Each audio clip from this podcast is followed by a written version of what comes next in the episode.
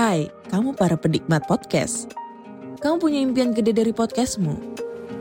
Terus First Story bisa banget bantu kamu. Mulai dari F-Link, Dynamic Audio Insertion, sampai statistik yang komprehensif.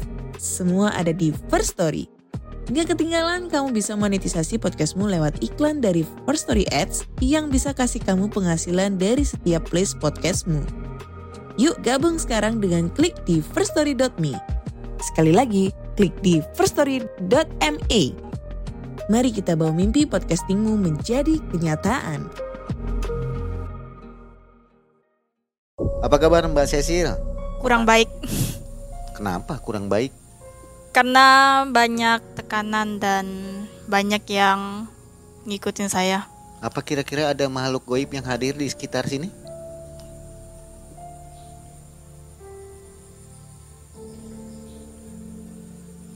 Nggak mau sebutkan. Nanti dia ngikutin. Aktivitas apa sekarang? Kalau keseharian sih ya seperti biasa kayak kerja. Terus nggak lama kalau malamnya kuliah, terus balik gitu aja sih setiap harinya. Dan jurusannya apa itu Mbak? Di jurusan English. Luar biasa. Sobat MM, inilah kisah dari Pontianak tentang indigo oleh Mbak Cecil. Kita saksikan.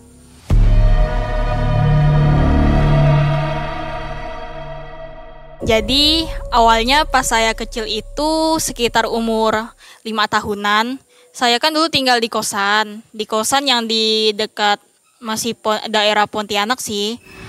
Itu dulunya emang dari sana saya mulai kayak dapat kelebihan lah di situ lah ya. Nggak tahu datang dari mana, tiba-tiba peka terhadap aura-auranya. Jadi tuh pas malam Jumat ya kalau tak salah ya, sekitar jam sebelasan itu pas dalam keadaan mati lampu. Nah itu saya tuh kayak cari seseorang di mana sih yang lainnya gitu kan kok saya ditinggal kesendirian gitu kan. Pas saya berlari itu kayak nabrak kayak nabrak sosok tapi pas dilihat di atas gitu tuh Mbak Kunti, cuma dia agak tinggi besar gitu. Dia kayak pakai bajunya putih-putih gitu sih. Di situ ndak lama pindah ke rumah tinggi yang bekas Belanda itu sekitar umur 6 tahunan. Nah, di situ awalnya ada pemilik rumahnya dia bilang kayak nawarin gitu ke orang-orang yang di sana tuh ada gak yang mau tinggal di sini kan free gitu kan. Tapi itu ndak ada yang mau. Jadi tuh kawannya yang sudah tahu itu dia kayak menawarkan ke keluarga saya. Dia bilang gini mau gak tinggal di sini? Free kok semuanya gratis gitu kan. Ya udah nggak apa kan gratis. Jadi tinggal di situ selama di situ emang banyak gangguan. Apalagi di belakangnya itu tuh semuanya tuh kebun. Kebunnya tuh besar kayak lebar persegi panjang gitulah ya itu berbagai macam banyak tanaman yang kayak pohon yang besar-besar gitu sih. Nah di situ ada pas kejadian malamnya itu saya masih ingat jelas niatnya tuh langsung ke belakang gitu. Nggak tahu kenapa dia manggil gitu ya. Itu siapa sih? Pas orang tua saya nanya itu tuh sebenarnya tuh kamu ngapain sih kayak mm, subuh-subuh bangun ke belakang rumah gitu kan? Ngapain? Harusnya kan masih tidur gitu. Kenapa bangun? Ya gak tahu mah gitu kan. Tiba-tiba kebangun kayak langsung ke belakang gitu. Jadi pas udah itu merasa aneh sama diri sendiri. Dulu kan nggak tahu tuh apa sih indigo atau apa gitu kan pas paginya saya bilang kalau di belakang itu ada yang aneh gitu. Soalnya pemandangannya yang awalnya kebun itu apa sih namanya tempat kayak lahan bertempur gitu. Lahan tempuran kayak zaman Belanda gitu belakangnya. Nah itu saya bingung kok sorenya kayak kebun biasa gitu ya? Jadi pas ada beberapa hari kemudian saya itu kan main sama kucing saya gitu kan. Terus nggak lama eh, mama saya itu kayak risih kenapa sih nih anak main sama kucing terus? Kayak tak ada yang lain. Jadi itu saya itu sama kucing itu kayak dirantai gitu di pintu kan. Itu malamnya saya dikurung di kamar. Di dalam kamar itu tuh sepi tidak ada siapa-siapa. Nah pas itu pas tepatnya jam 11 malam itu mati lampu. Itu dalam keadaan saya sendiri dan pas itu juga saya kayak lihat di depan saya itu kan ada kayak jendela besar gitu ya bekas zaman Belanda ya yang dari kayu jati gitu. Nah ini kok kayak ada darah apa ya gitu kan saling kayak lihat kayak gini langsung spontan tuh kayak langsung pingsan gitu. Besok pagi ditemukan ngapain kok pingsan semalaman sih? Langsung saya tuh ceritakan lagi. Tapi orang rumah tuh kayak ya udahlah mungkin kayak insting kamu gitu kan. Dibilangkan ya udah deh mungkin emang insting kan. Udah lama pas sudah kejadian itu ada kejadian lagi. Jam setengah satu subuh saya kebangun terus saya mau ke belakang. Karena dari belakang rumah itu kan ke kebun itu kan biasanya sangat jauh. Pokoknya kan itu kan rumahnya kan tinggi tuh. Itu ada tangga nanti ada jalan setapak tuh nah di situ lurus lagi itu kan. Agak jauh sih ada kayak WC kecil situ. Di situ di sekelilingnya kayak banyak pohon-pohon gitu. Pohonnya besar-besar. Nah di situ saya kayak ke WC dulu beberapa menit kemudian kok ada ngetok-ngetok? Gitu kan. Langsung saya tuh spontan ngintip lah kan nggak ada siapa-siapa. Terus dia nih kayak ngulang lagi gitu ketoknya sampai tiga kali. Kenapa sih? Gitu kan terus saya kayak emosi lah kan saya buka nggak ada siapa-siapa. Jadi kayak emosi sendiri kayak maki-maki sendiri terus nggak lama dia marah. Langsung dia lempar batu ke dalam WC itu. Kan WC itu kan kayak WC seng gitu ya seng kotak. Terus di kayak bawah-bawahnya kan semen itu kan kayak ada lubang-lubang kecil tuh. Nah itu dia lemparnya kayak dari bawah ke atas gitu. Yaudah kayak hiraukan lah mungkin. Mungkin batunya jalan sendiri. Dulu kan kecil nggak tahu jadi pas itu ya udah biarkan aja lah kan. Pokoknya dari situ tuh banyak kejadian yang aneh pokoknya. Pas itu juga ada tuh pas saya kayak main sama kucing saya subuh subuh terus kayak di belakang rumah tuh kan sebenarnya kan kosong tuh kan. Yang dindingnya itu kan yang polos polos putih tuh ya. Itu tiba-tiba kayak saya lihat lah kok ini kayak ada gambar zaman penjajahan dia tuh pegang pisau terus ada cewek nah di belakang rumah. Tidak lama pas saya lihat uh, saya lihat ini foto atau gambar siapa ya yang gambar di sini ya? Pas besok lihatnya lagi kok putih bersih? Tak ada apa-apa gitu kan? Jadi ya biarkan aja lah. Udah lama makin makin bertambahnya waktu. Kayak misalnya usianya kayak udah sampai uh, beberapa tahun gitu baru paham. Oh orang yang disosok ini nih dia kayak memberitahu kalau dia tuh dulunya tuh di zaman penjajahan dia tuh kayak kena ancam seseorang sampai dia tuh meninggal di sana dan dia tuh suka ngaco orang sih yang cewek itu masih umur belasan. Dia masih belasan dan dia bilang kalau dia terbunuh sih kayak terancam gitu. Nggak tahu juga sih. Dulu kan masih kecil nggak tahu apa apa ya itu kayak ya udah ya yang penting yang penting tuh kau tuh ke sana dulu lah jangan ganggu aku aku bilang gitu kan. Dia kayak tiba-tiba kayak ngilang ya udah gitu kan. Udah lama besok dia muncul lagi gitu. Ya udah deh udah sampai situ udah kayak beberapa tahun yang akan datang itu pindah lagi ke kuburaya yang tempat saya sekarang nih yang di desa Kapur di sana saya tuh juga dapat gangguan paling banyak sih setelah saya pindah di Kuburaya di tahun 2022. Pas awalnya itu baruhan saya kayak saya tuh pindah barang-barang yang mau dipindahkan di situ kan udah kayak kerasa auranya karena pas di situ tuh masih kayak hutan-hutan belakangnya kiri kanan masih hutan karena dulu tuh perumahannya masih masih dibangun sebagian. Sebelumnya sih ada di desa Kapur juga, tapi kompleknya tuh dalam lagi. Cuman di situ lebih angker lagi. Jadi pas udah pindah di situ, ya sama juga sih dapat gangguan. Nggak jauh beda, cuman lebih aman daripada yang uh, yang rumah kemarin yang di yang rumah bekas Belanda itu. Jadi pas di situ saya awalnya kayak mikir ini rumahnya bagus gak sih? gitu kan. Di belakangnya itu kayak ada pohon besar gitu. Terus di samping pojok kanan yang paling ujung sana itu kayak masih ada pohon yang sangat besar itu kayak ada nyimpan sesuatu kayak barang-barang berharga ya intinya itu ndak bisa ditarik orang karena di bawahnya itu kayak ada akar yang sangat tebal yang nimpa dia dan di situ juga ada yang jaga ribuan makhluk halus. Jadi kalau misalnya ada yang narik di situ bisa jadi petaka. Pas udah itu kayak kan kayak udah mau mau dekat-dekat mau masuk kuliah nih. Jadi tuh kayak butuh biaya gitu kan. Jadi tuh cari pekerjaan di dekat sekitar daerah Kuburaya itu.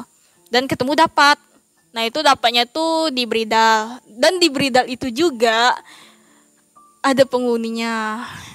Nah itu saya tidak bisa sebutkan karena um, di tempat itu pernah dalam tanda kutip itu kayak melakukan ritual kayak sesajen gitu.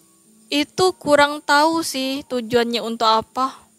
Soalnya tidak ada diberitahukan, cuman kayak dibilang kalau di situ pernah kayak melakukan sesajen kata orang tuh makanya di situ emang ada orang dan pas itu sempat ada nanya ke sebelah toko bridalnya dan di situ dia bilang kalau emang setiap malam tuh emang ada kayak anak kecil yang kayak lari-lari tawa-tawa. Sebenarnya tuh itu emang tak ada orang sama sekali. Itu kan. Itu kan toko. Biasa kan uh, baru buka aja jam 9 pagi gitu. Jadi pas saya udah kayak satu atau dua hari satu harinya sih aman. Pas udah besoknya itu saya pernah dititipkan tokonya gitu jagain. Nah di situ saya kan sendiri nggak ada siapa-siapa. Saya kayak lagi duduk di sofa gitu. Di sini ini kayak ada kaca besar. Di sofa ini di belakangnya nih ada kayak tangga untuk naik. Jadi tuh nampak di depan kacanya itu. Iseng-iseng lihat di kaca gitu. Terus tidak lama kayak di belakang nih kayak ada yang bersiul kayak ada nyanyi. Terus kayak ada sambil naik gitu kan. Siapa sih nih? Kayak nyanyi-nyanyi gitu kan langsung pas nengok di belakang tak ada orang nih. Pas nengok di kaca eh kok ada orang sekilas kan?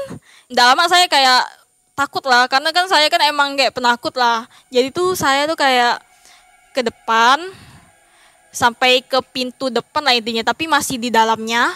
Nah itu pas saya kayak coba ngerekam ngerekam iseng-iseng. Pas tempat saya duduk di sofa itu emang ada yang ngintip. Anak genderuwo katanya kondonya dibilang anak genderuwo itu yang jadi barang peliharaan di sana. Itu bentuknya ya kalau dari jauh itu dia kayak ngintip matanya merah terus tidak lama dia tuh kayak apa ya dia tuh kayak nampakkan dirinya tuh sebagian kayak sambil kayak ngintip gini sambil nengok ke saya gitu kan. Itu kayak semua itu bulu-bulu gitu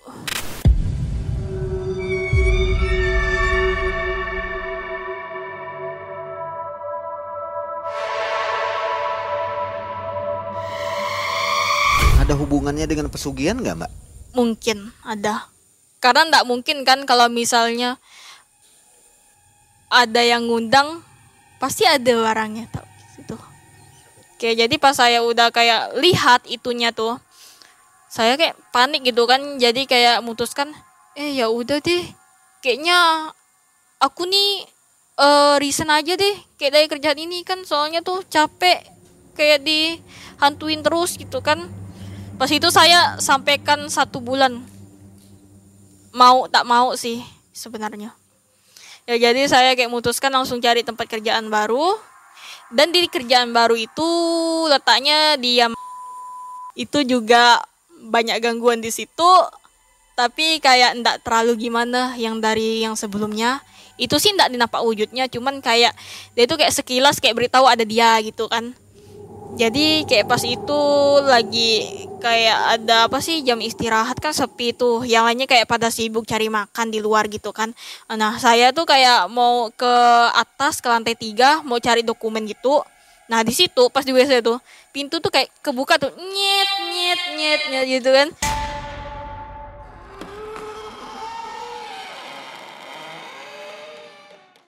Jadi tuh ya udahlah mungkin kayak perasaan aku lah kan ya udah deh pas itu saya turun terus saya eh, cerita ke satu dua orang mereka nggak percaya. Karena mereka tuh seolah-olah tuh kayak nggak percaya tuh kalau hantu tuh ada. Jadi tuh pas itu saya pernah cerita kalau saya dulu tuh pernah digigit genderuwo di sini kan. Cuman banyak yang nggak percaya. Langsung satu ruangan itu tuh nertawain saya. Karena kayak masa sih kena gigit genderuwo kata. Bentuknya kayak gimana sih? Kayak kayak ngolok-ngolok gitu. Jadi tuh kayak ya udahlah untuk apa? Kayak dijelaskan lagi kan. Mereka pun kayak nggak tahu gitu kan. Mbak Cecil sudah pernah belum tanya ke orang tua kalau Mbak Cecil mengalami hal-hal yang berbeda dengan orang-orang lainnya? Ya jadi indigo ini. Um, papa saya emang ada kayak bakat dari itu dari lahir emang kayak loya gitu?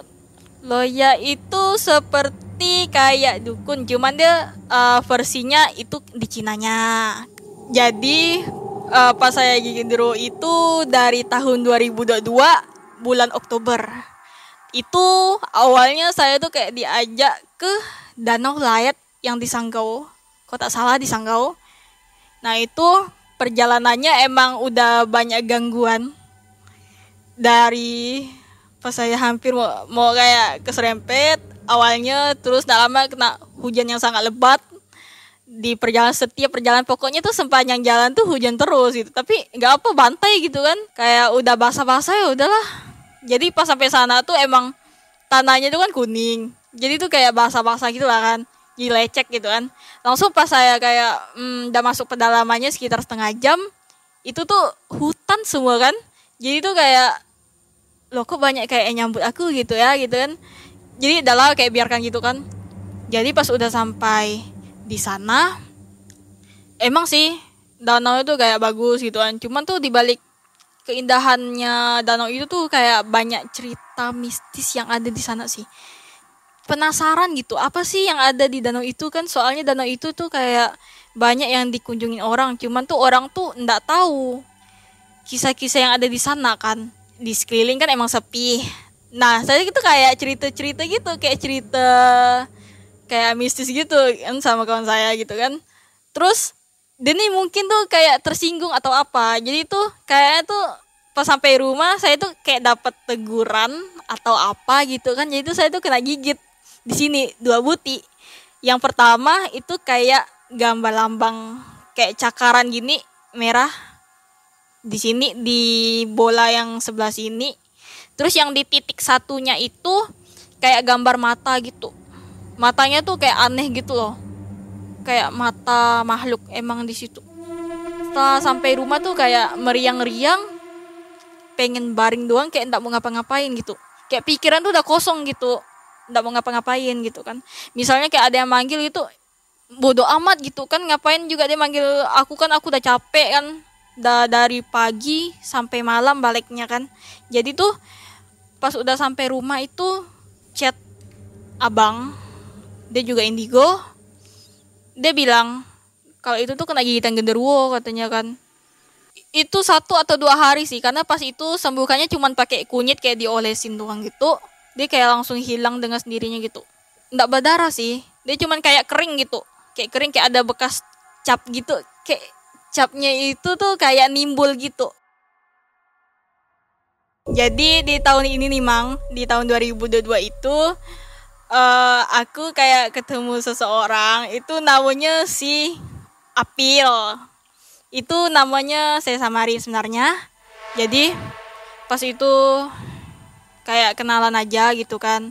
Udah kayak sampai selang empat bulan dia nih kayak apa sih namanya? Kayak dekatin gitu. Kenapa sih nih orang kayak dekatin terus gitu kan? E, dari itunya sih baik peduli gitu. Apa apa tuh yang kita mau tuh dia tuh mau turutin. Cuman dibalik sifatnya itu tuh dia tuh kayak ada maksud lain nah pas udah kenal empat bulanan lebih lah ya lebih dikit itu kayak udah mulai tahu oh sifatnya kok kayak gini ya gitu kan. Dia tuh kayak sifatnya tuh kayak apa sih kayak maksa gitu kan. Kan awalnya dia kayak sabar ini kayak maksa gitu kan. Awal awalnya gitu dia bilang gini kalau misalnya tuh aku tuh ndak bakal maksa kau dalam hal apa pun gitu kan. Tapi dia ini makin lama tuh makin menjadi gitu kan. Keinginan dia tuh kayak harus dipenuhi. Cuman tuh aku tuh kayak menjauh gitu. Cuman dia nih kayak ada kirim barang lah kayak gitu ya kirim barang ke aku dalam berupa sunda bolong. Nah itu dari situ aku itu pikirannya kayak ikutin apa kata dia apa yang dia omongkan kayak harus ini lakukan gitu kan karena aku pas itu kan ada kayak pelindung badan. Hmm, aku tuh kayak dibuatin uh, apa sih kayak jimat atau apa sih kayak untuk lindungi badan gitu kan pelindung badan. Jadi kayak ada bertolak belakang gitu. Kalau misalnya kayak suruh ini tapi tuh barang yang udah dikirimkan ke aku itu suruh suruh roh aku itu ngikutin dia juga itu apa yang dia bilang. Jadi pikiran sama kayak roh tuh kayak ngikut ke dia gitu. Jadi itu dia tuh udah kayak nunggu di depan gerbang. Kayak udah kayak yuk ke sini ke sini itu ya udah kayak ngikutin aja gitu. Padahal tuh tahu gitu kan larangan di rumah kan ketat. Nggak boleh balik malam gitu kan. Nggak tahu kenapa kayak jadi kayak ngebantah gitu kan. Gara-gara ada barang ini yang kayak suruh maksa gitu kan. Jadi tuh kerik, e, keikut gitu pas barang ini ngikut itu yang aku rasakan ini kayak setiap ke WC itu kok kayak bau amis gitu ya. Bau apa sih nih gitu kan. Ya udah kayak itu kayak ndak terlalu gimana lah ya. Jadi pas udah beberapa hari itu mulai merasa kok ini baunya kayak makin menjadi ya? Ini tuh apaan sih? Udahlah tuh tanya ayah aku gitu kan langsung dia kayak udah emang dari awal tuh firasat dia di sana juga kacau. Jadi pas udah sampai feelingnya sampai di situ dia kayak berniat untuk kayak ke rumah. Terus dia langsung lihat nih udah sampai di rumah dia lewat depan aku dia lewat. Tapi itu aku kayak ngehindar gitu. Nggak tahu kenapa barang itu kayak ngajak ngajak aku ngindarin ayah aku itu gitu auranya tuh udah beda gitu kan. Ahnya tuh dalam sebutan tuh abang dalam bahasa Cina. Itu. Pas udah sampai di WC itu kan sebenarnya tuh nggak ngapa-ngapain. Cuman kayak udah di WC nih kayak mau dilama-lamain gitulah sampai pulang kan. Terus kata ahnya aku dia bilang gini sil keluar cepat katanya. Ngapain lama-lama di WC kan? Dia kayak marah nih. Ya udahlah kan keluar. Pas udah sampai di depannya bertatapan langsung gitu dia kayak bilang coba tatap mata ahnya sil katanya. Tatap katanya udah kayak tatap gitu beberapa detik kan. Terus dia kayak menangkap semua yang ada yang ada di mata tuh yang udah terjadi sebelumnya tuh. Dia nangkap semuanya kan. Dia bilang oh kau udah ada cowok ya? Tadi bilang gitu kan. Terang-terangan nih ada orang tua segala macam di sini ada tetangga apa segala macam dibongkarnya gitu kan. Oh alamak gimana ya? Terus dia tanya lagi apakah iya? Kau kau udah ini menjalaninya udah lebih dari empat bulan katanya kan dibilang gitu kan. Itu kayak cuman teman dekat aja itu. Yakin? Teman dekat? kata dibilang kan.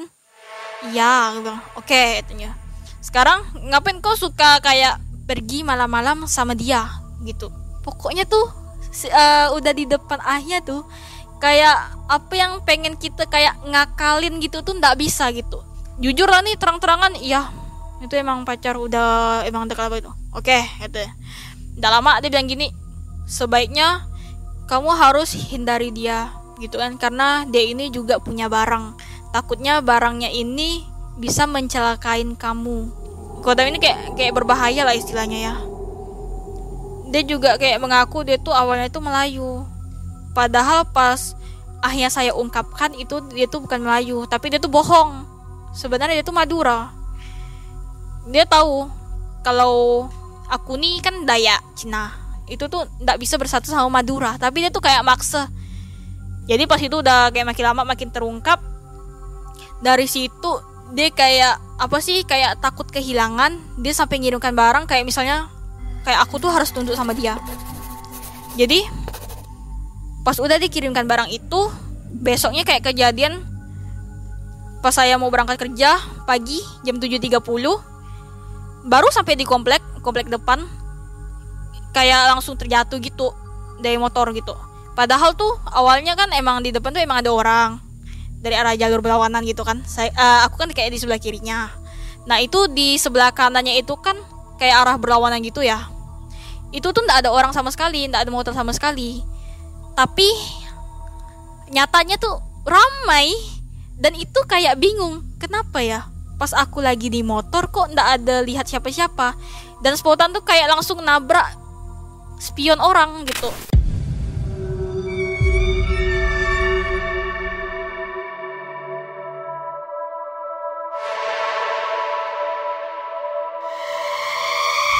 jadi tuh kayak sambil terjatuh terlempar kaki juga tergesek gitu kan. Jadi tuh kayak mati rasa gitu kan. Terus ndak lama tuh kayak pap ke dia lah nih. Kalau misalnya aku tuh kayak jatuh gitu terus ndak lama dia nih kayak sok-sok kayak peduli gitu ya. Langsung pagi-pagi buta datang rumah langsung kayak liatin kayak kejadian itu. Padahal yang lakuin tuh barang dia gitu kan. Di situ dia lihat tuh eh kakiku kok parah benar gitu ya sampai pincang gitu kan. Ya udah sini aku semua yang gantiin apa semuanya kan orangnya kan kayak minta ganti rugi gitu. Nggak lama uh, orang tua aku tuh bilang gini kok ini teman kamu yang cowok kok dia kayak rela sih kayak bayarin semuanya gitu kan? Sebenarnya tuh orang tua aku itu udah lama curigain dia kalau dia nih kayak cowoknya tuh ndak baik-baik gitu kan kayak emang ada barang gitu. Cuman tuh aku tuh kayak dibutakan oleh cinta gitu kan. Nggak tahu apa dibutakan karena emang ada barangnya. Jadi tuh nggak tahu gitu. Oke, jadi setelah kayak udah kejadian itu tuh kayak udah dilupakan aja gitu kan. Jadi pas itu saya tuh pernah ke kampung kayak ngobatin gitu kan, ngobatin. Dan di sana pas udah sampai di kampung itu kan ritualnya pasti malam sekitar jam setengah tujuh lah ya mulainya ya. Nah di situ sebelum jam setengah enam itu sorenya tuh orang-orang lain tuh kayak tetangga tuh harus bantu untuk kayak siapkan kayak sesajen apa segala macam gitu ya sesajen. Nah itu sesajennya itu kayak berupa beras kuning yang udah dikasih kunyit tuh beras kuning terus ada kayak daging ayam gitu yang udah disembelih lah ya. Dan darahnya juga udah diambil. Dan itu darahnya tuh yang diambil tuh bisa berupa ayam bisa babi bisa anjing. Tergantung penyakitnya gitu. Itu yang dipotong cuma dua sih dan itu harus ayam hitam. Karena itu emang udah persembahan dari kayak nenek moyang dari zaman dulu udah kayak ditradisikan gitu kan. Nah jadi itu pas pemotongannya tuh pas udah mau kayak dekat maghrib jam setengah enam gitu baru dipotong. Nah itu darahnya kayak diambil ditaruh di mangkuk gitu kan. Dan itu darah yang isi mangkuk ini itu ditaruh di depan kayak ada tempat kayak ritual gitu. Ritual untuk kayak manggil hantunya di situ manggil-manggil lah ya. Awalnya tuh kayak baca-bacain apa ya setengah jam ya kayak bacain dalam bahasa Dayak gitu dia dalam kayak ngucap-ngucap apa gitu ya. Sambil kayak apa sih tebarin beras-beras yang ada di situ tuh. Tapi beras biasa sih beras putih biasa. Kayak ditebar-tebarin gitu. Dan itu kayak dia tuh kayak siul-siul gitu bersiul-siul sampai udah ada waktunya dia udah datang baru semuanya kayak dipanggil ke satu tempat itu udah nih kayak dikumpulin semuanya di satu titik itu lalu dimulai. Tapi sebelum dimulai itu kayak dipukulin kayak gong gitu tiga kali. Terus nggak lama kayak ada selain gong itu ada kayak gong kecil lagi. Itu kan ada gong besarnya. Terus ada gong kecilnya lagi. Itu di tengah gitu udah itu langsung nih semuanya kayak ber, udah berkumpul semuanya. Udah kumpul udah kumpul dan keluarga tuh biasanya tuh harus di paling depan nggak boleh di paling belakang biasanya. Gitu. Udah itu disembuhkan dari situ bergilir kayak bergilir dari yang tua sampai yang muda. Yang muda itu kayak anak-anak kecil gitu. Tapi kalau yang masih bayi itu boleh kayak di sama orang tuanya gitu. Jadi dalam kayak ritual gitu tuh awalnya itu kan kayak dipanggil tuh maju gitu kan duduk kalau dia tuh ada dua macam bisa bersila bisa kayak diluruskan ke depan kakinya kan. Nah itu tergantung sih. Biasanya tuh lebih normalnya duduk bersila itu harus dan badan tuh harus tegak. Jadi itu dia kayak kayak apa sih? Kayak melihat di mana sih sisi tubuh kita tuh yang kayak merasa tuh penyakitnya ada di mana gitu kan. Jadi jadi kayak pakai daun tak tahu daun apa daunnya kayak daun panjang gitu warna hijau. Dia kayak baca-baca gitu sambil baca-baca gitu kan. Terus dia nyubit gitu ya kayak nyubit. Tapi dia nyubitnya tuh dia kayak sambil keluarin batu. Dan batu itu tuh kayak kayak emang penyakit yang di dalamnya sini gitu. Kalau misalnya menurut dia kayak dia tuh udah bersih dari penyakitnya itu. Nah itu kayak dikasih daun. Daunnya tuh panjang. Itu kayak dikasih emang ada air khususnya itu kayak ditaburin di atas kepala gitu udah setelah itu tuh proses yang kedua itu yang terakhirnya tuh manggil semangat. Manggil semangatnya itu kayak berupa misalnya kan yang udah kayak di apa kan namanya kayak udah disembuhin pokoknya dipisahkan ke ruangan yang lain.